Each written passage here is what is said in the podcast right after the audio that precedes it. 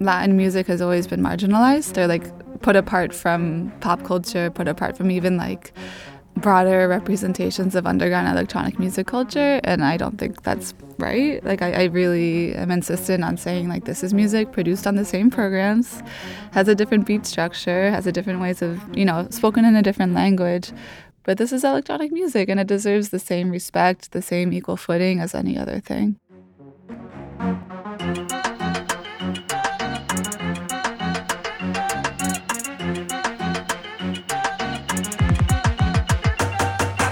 aquí, súbela allá, oye aquí, súbela allá, oye aquí, súbela allá, oye aquí, súbela allá, oye aquí, súbela allá, oye aquí, súbela allá. Contengo la música reggae para que puedan bailar. Oye aquí, súbela allá, oye aquí, súbela allá, oye aquí, súbela allá, oye aquí, súbela allá, oye aquí, súbela allá, oye aquí, súbela allá. Contengo la música reggae para que puedan bailar. Ni de aquí ni de allá.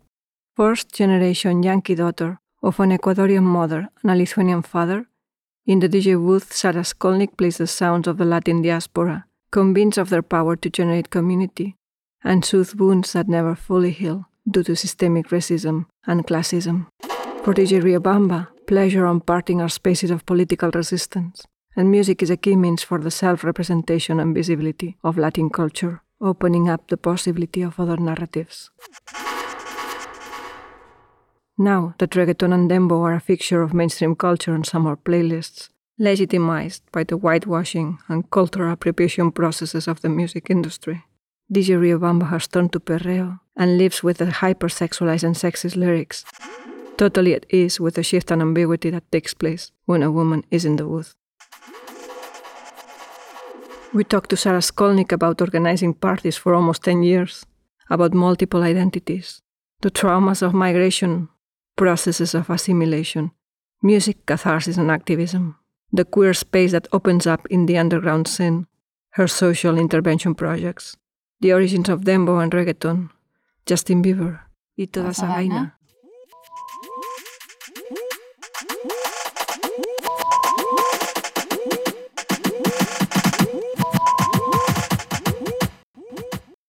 Creation, destruction of place, you know,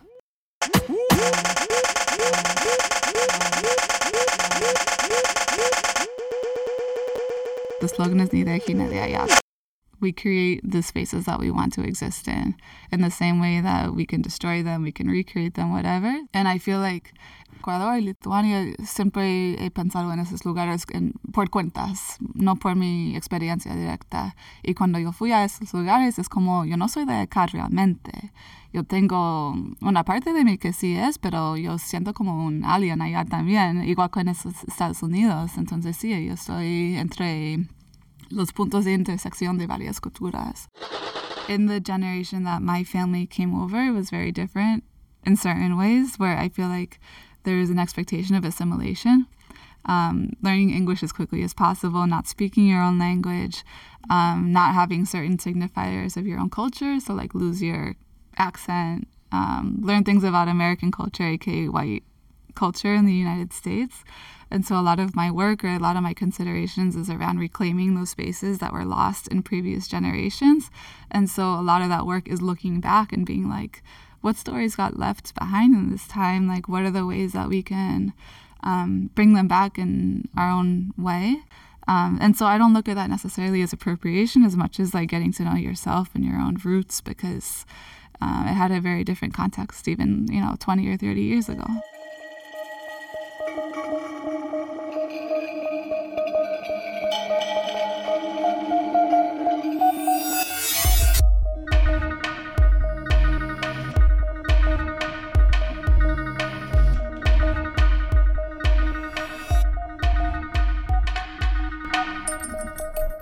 Pico picante. Yo estudié ciencias políticas y yo pensé que quería ser abogado. ok. Y después de graduar, yo fui a trabajar en unas um, non-profit organizations en Boston que estaban trabajando con los artes, con servicios de creative writing, servicios gratuitos a público. Y yo salí para vivir acá por un año en Barcelona y estaba enseñando inglés y estaba como pensando qué quería hacer y aprendí mucho más de música electrónica que ya no tenía una presencia allá en Estados Unidos tanto como ahora. Y decidí que quería hacer algo entre arte y política que tiene que ser una conexión, como la música no existe en a vacuum, es como siempre está conectado con la política, con sociedad, con esos temas, como hay un montón de cosas para discutir. Y regresé a trabajar en Boston otra vez y es donde empecé mi carrera como DJ hace ocho años. Y era por motivos de tener una presencia para latinos eh, y inmigrantes en Boston, que es una ciudad súper segregado em, y para tener una representación de latinidad que soñaba para mí. Como hay clubes de latinos allá que son un poco más tradicional, como tocan merengue, tocan salsa, reggaeton, ya. Eh, y no tengo esa relación con la música latina, es como me interesé como los remixes, um, los undergrounds, la gente que está en First Generation en Estados Unidos también, que no es latino típico. Y trabajando en Boston era como un response inmediatamente al público que viniera mucha gente porque no había un espacio así. Y esta fiesta que creé allá era, se llama Pico Picante y ya tenemos siete años haciéndolo, um, que sigue allá y yo regreso cada tres a cuatro meses para lanzarlo.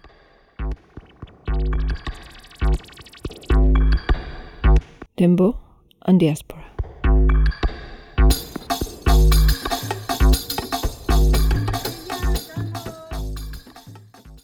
For me, like I, I would never pretend to say I'm representing música de barrio. Like I'm representing my connection to it as a woman, um, as somebody who identifies it as diaspora music. And for me, that was the first representation that I heard of Latino music or music in Spanish on the radio at home, where there was no representation for Latinos whatsoever. So that was a really powerful moment of being like, oh, this is something different. This is something that I relate to that really resonates in a way that like the other things hadn't. Um, so that was a really powerful thing for me. And I feel like, um, but it is important to be responsible and to acknowledge, you know, the traces of these things is very different and um, I don't want to, you know, pretend to be a part of that legacy. My legacy is different, and my conversation relationship to it is very different. Yo siempre he tocado reggaetón, dembow, pero reggaetón y dembow siempre ha, uh, ha estado conectado con danza, con plena, con salsa, con son. Es como hay un montón de géneros en que está conectado. Entonces, si enfoco en ese ritmo de dembow, con la idea de que yo quiero contar las historias que está alrededor de el género. Reggaeton is an evolution of dancehall and plena that was coming from Panama and reggae in Espanol, and before that in Jamaica of like reggae and dancehall music there. So I feel like it's very much a story of migration and a very much a story of diaspora.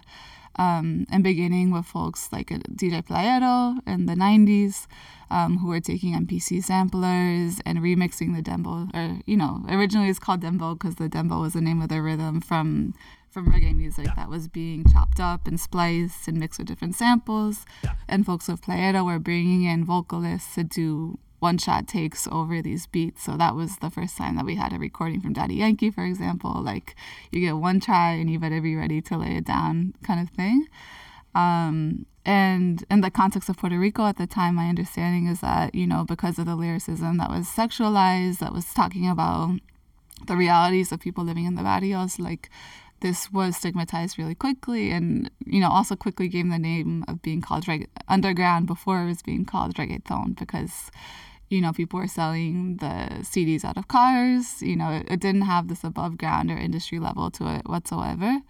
Um, and it was yeah, it was highly stigmatized. Um, and the first wave of it really crossing over to the pop side of things was in 2004 of Barrio Fino, of Daddy Yankee and Gasolina. But I don't think that first movement had the same legs that it does now. Like, I feel like the dembow beat has kind of like transcended into this global pop moment, which is where we're seeing the the whitewashing and the decontextualization of like the raíces of where this come from, which is Afro Latino communities, and that's between you know things like Afrobeat or dancehall also being integrated to this sound that like you hear Justin Bieber on like a a dembow track and it's like how the hell did this happen but those are the transformative parts for reaching like the mass market aka the white market which i don't think is right at all of course. Like why do we need a white cosign for this music to be taken seriously? But those were big moments same with beyonce when she was on the j balvin track um, uh, what i hope is that latinos have the same respect that it's like you don't need the white person to come in to validate the good work that you're already doing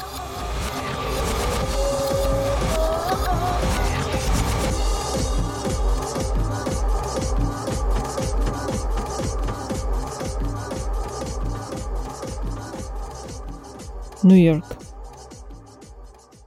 I can't control what other people think of what I do, right? I know what I identify as. Like I had an interview recently where they're like, "Do you do you feel like you're Latina?"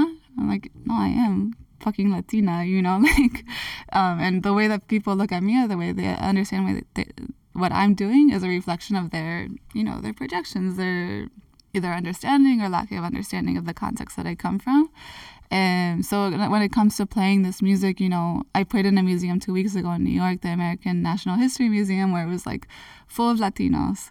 Um, and playing these anthems that like, you know, playing here, I'm noticing that the context is very different. It's like you play Nina's Gallo y Mi Canto, you like everybody knows the words. Everybody's freaking out in New York because it's like that feeling of being like, oh, we're in this space. And, um, and, you know, really that new wave beginning, I would say, about three years ago with a new wave of reggaeton coming out of Colombia and Medellin, where folks like Nicky Jam had relocated, or J Balvin had started, Maluma had started, and which presented a very different representation of the genre, not only sonically, um, but also, you know, visually as, as these people look.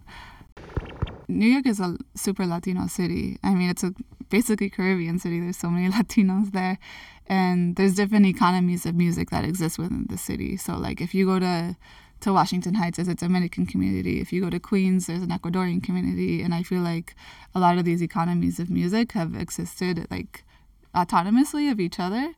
I think what's changing is there's a lot more dialogue in terms of like pop music surging into like a more accepting direction of reggaeton and música urbana. So like J Balvin playing in huge one of the one of the huge stadiums in Brooklyn, like that's a really big deal because normally those kinds of bookings don't pass in those spaces. Like they'll end up in the smaller clubs in Queens or something like that.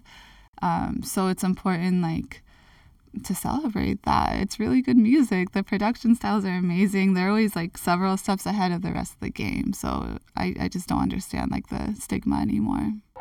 And I mean, a lot of these opportunities are also based on relationships that I've built with people in the scene in New York. So Boiler Room, you know, came out of you know the desire to kind of infiltrate that space and to have representation where there hadn't been Latino representation before in that way. There was like you know Latin American artists that make house that were doing Boiler Room or things like that. But I do feel like it's it's important to center these other types of narratives and these other forms of expression that are enjoyed and loved by so many people. And um, having also the resources of working with Boiler Room and seeing the analytics after the event, they're like, wow, this was one of our highest viewed sessions of the entire summer, you know, things like that, especially not being a sponsored event. Like, they see the potential in this because it's like, you can't argue with the numbers. and that opens doors for more lucrative opportunities for other artists to have access to these things.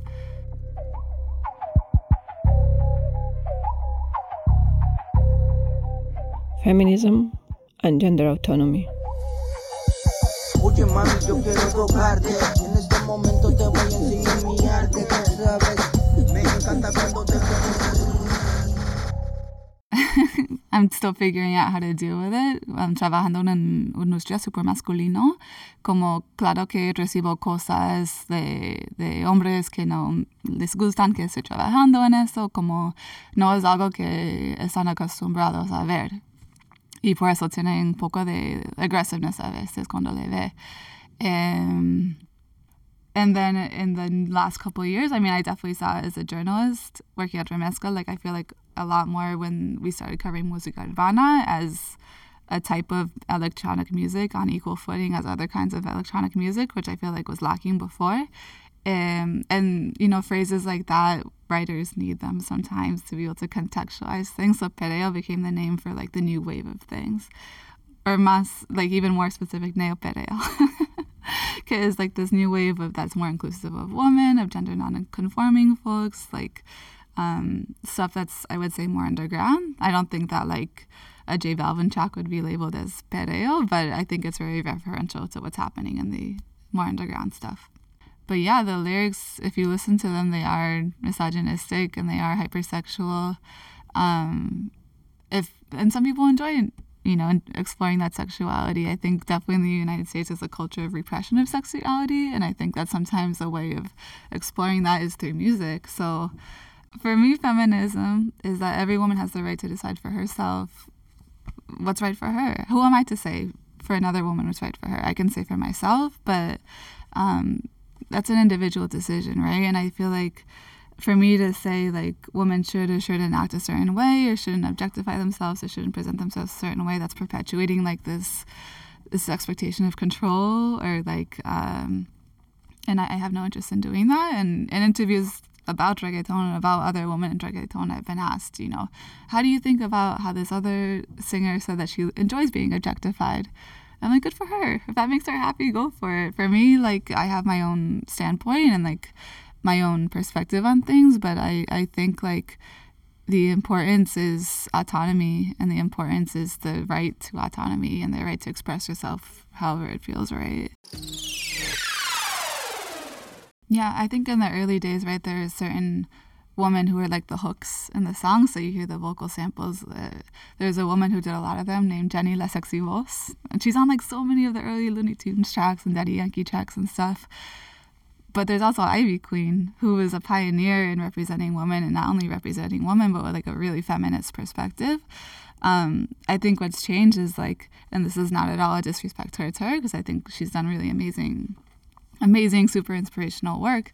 But it was like this, um, I feel like this false notion that there can only be one woman, there can be one queen, right? And that's, I feel like that happens so much in terms of music communities. I can only speak to music communities personally, but like, women get pitted against each other. Like there's like this uh, expectation of competition instead of support.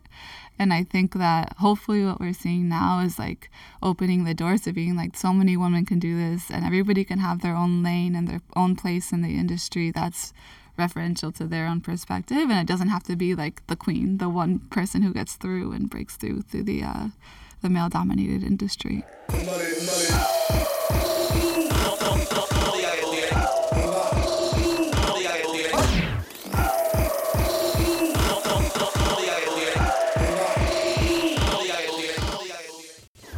siempre ha sido importante para mí crear espacios para otras mujeres, crear espacios para um, um, oportunidades lucrativas, porque es importante hablar de trabajo y dinero en esta industria también, como no es igual para entre mujeres y hombres así. I think that there's a movement right now around promoting and being more inclusive of women in electronic music, which is amazing.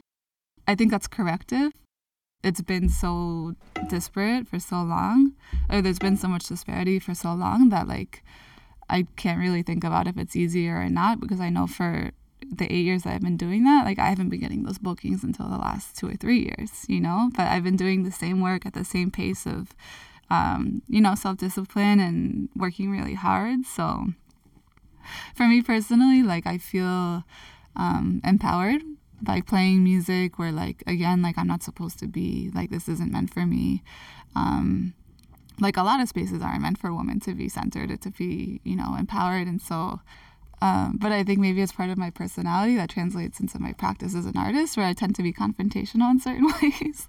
and I think when it comes to spaces that are designated definitely not for women and definitely not for women to be centered and definitely not for women to have like a sense of power or agency in the space like i want to be there in front of that to be like i know i'm not supposed to be here pero aquí estoy you know what are you going to do um, and that that is where i meet resistance sometimes in the industry like and i think that I notice the difference. Like if I'm playing these same songs that are saying things denigrating women, like uh, you still like to dance to the beat, you know. Pero cuando hay una mujer que está en control, que está en tarima, it's como like the front of the stage is woman.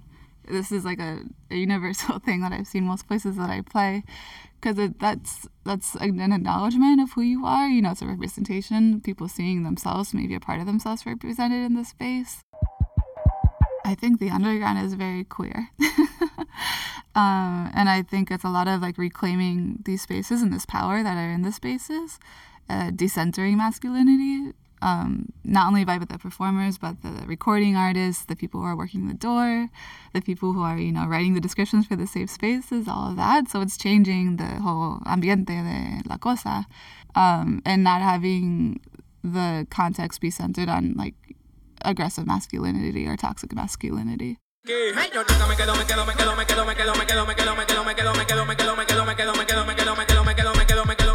Cloud-based. We create the spaces that we want to exist in. In the same way that we can destroy them, we can recreate them, whatever. So Apocalipsis is como the, the vehicle for that. Um, I created it about three years ago, cuando estaba, estoy viviendo en Nueva York ya. Y la propuesta, la idea es para tener más representación para the full spectrum de identidades latinos o de identidades de inmigrantes, um, gente que no son ni de aquí ni de allá. Es un sello y una agencia creativa. Entonces, como sello de música, yo estoy lanzando el primer release será de uh, un músico que vive en Ecuador, desde la comunidad indígena de Quechua y está trabajando en ambient electronic music con samples de su propia comunidad, con músicos um, que ha trabajado mucho. Y después de un productor de música que se llama Kelman Duran, que es un dominicano que vive en Los Ángeles, pero está trabajando mucho en la representación de afrolatinos allá y trabajando también con remixes de dembow y dembow experimental y toda esa vaina. Eh, y también como ese lado de educación.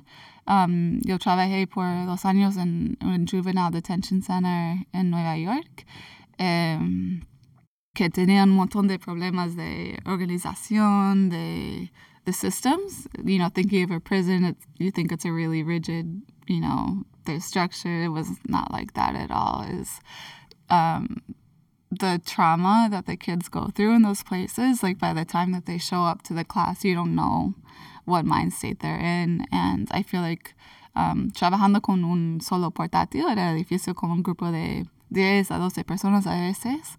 Entonces yo comencé a pensarlo más como un recurso de salud mental um, to give them space when they came in to relax, to like chill, to listen to music, which they don't usually get to do in the halls. And then um, para explorar sus propios intereses. Habían muchos que que son raperos, otros que tenían uh, interés en ser productor de música, otros que querían ser como the sound person at the venue. Entonces era para compartir skill sets, pero también para to encourage that music is an alternative to the things that they're seeing and that it's a pathway to entrepreneurship and to being, you know, their own business owners for themselves.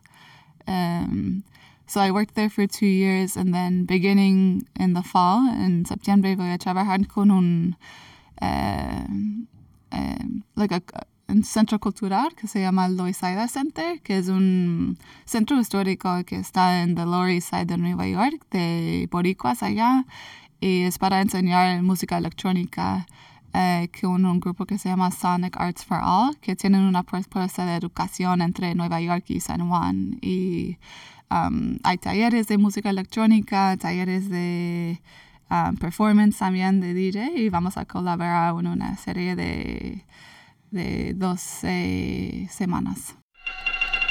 For me, like if I'm not sharing the access that I have or the resources that I have, it doesn't feel right. So it's like um, whether it comes to you know, throwing parties and inviting people to play, you know, giving opportunities and sharing space, or going back into the community and teaching and um, sharing things that I've learned along the way. I just, I feel like I see the disparity in the industry itself between men and women, between white folks and people of color, and it's so obvious to me. Like, the work that needs to be done that if I'm not contributing, then I'm part of the problem.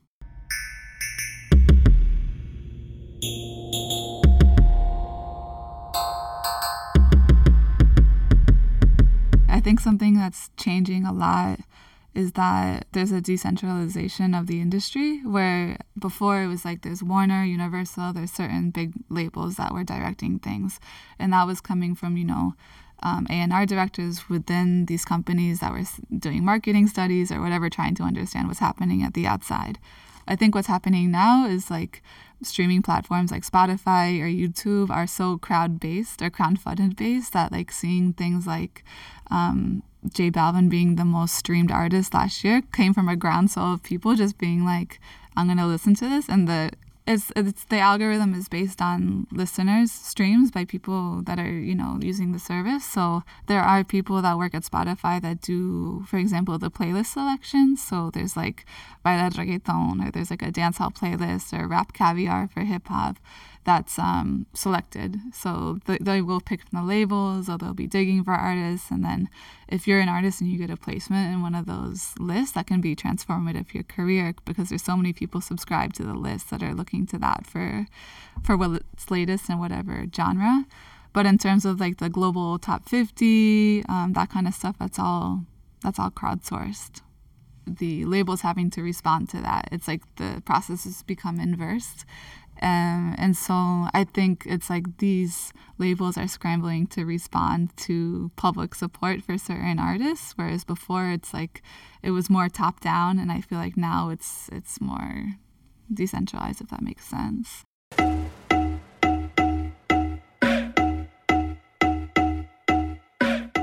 La alegría es resistencia. Personal is political. I mean, when Trump was elected, of course, we were all, we all, I don't know, my community, my friends, the people close to me were appalled. And, and so many things happen so quickly, intentionally, like, you know, fascist tactics. You overwhelm people with information, you overwhelm with horrible things so that people get to a certain point, at least I did, where I checked out because I was just like, I don't understand. It's hard to even like have the correct information about what's happening. There's all these smoke and mirrors, like, it's being treated like a reality show um, very intentionally and behind the scenes really horrible things are happening. There are so many white people that are low income in the united states but uh, this is not the story that's being told right now. It really needs to be understood because i feel like so much of like the myth making around latinos and people of color in the united states it's it's propaganda you know to say like gente vienen a estados unidos para um, to take our jobs or to, you know, live off of welfare cuando hay un montón de gente blanco que vi, vi, live from welfare también en Estados Unidos. Es como, so I'm holding myself more accountable to be doing the work to understand what's happening behind the scenes because when you look at it, it's absolutely awful, especially around the way that immigrants are being treated, um, women are being treated, you know. And I think part of the difficulty of looking at it closely and like holding the gaze is because like you know, coming from an immigrant family, these are traumas that are familiar. Like when my mother came to the United States, that was after eight years of being separated from her parents who came first. So it's like that intergenerational trauma is like very present and very much like a narrative in my family. But it's like knowing that it's like you have to tell those stories so that it doesn't happen again. And you have to also tell the stories of the way that like these actions reverberate for generations. It's like I think about the kids that are in detention centers right now. What kind of trauma are they going to leave with, and how's that going to affect their kids, and like on and on from there. So, um, you know, policy wise too, it's just like, um, first of all, understanding what's happening, and then using whatever platform I have. I don't care if it's like one person listening that happens to be my mom, whatever. I'm gonna say something. Like, there's no, there's no luxury of indifference right now. Like being apolitical is basically saying that you're complicit with the situation, and for me, that's not an option. I think it's a a combinations of, of grassroots organizing right now because um, being that the government is in Republican control and Trump, you know, regime, um, you can't rely on any of these agencies to be supportive of you know communities of color. And so I've got a lot of people organizing myself included around doing benefits for organizations like Raices who are working in Texas um, around you know documentation and immigrant rights in the detention centers especially around the border. Um, the same thing that happened after Puerto Rico had the Hurricane Maria last year. It's like FEMA, which is the um, the aid organization, they never showed up on the island the way that they're supposed to. Like so much of the island still doesn't have energy or like consistent public resources, and so the way that any change is happening is by the communities organizing, or even people in New York going back and forth and coming back with information about how it is really on the ground. And so I think music communities are definitely a big um, resource for for mobilizing people and for raising money and then also having spaces of catharsis because we all need it sometimes. It's really important too, and like being joyful and like sharing community is an act of resistance in that way. I think in this moment, saying despite all of this shit that's happening. Y yo creo que una cosa súper básico de mi um, mi propuesta es como la alegría es resistencia. Entonces, no siempre es un. Um, it's not always like a super heavy handed como explicación política. A veces es como necesitamos un espacio para celebrar, para tener representación um, en un país donde no not always welcome, you know. And it's it's I think it's a really radical thing right now to say like I'm proud to be from an immigrant family. Um, so yeah.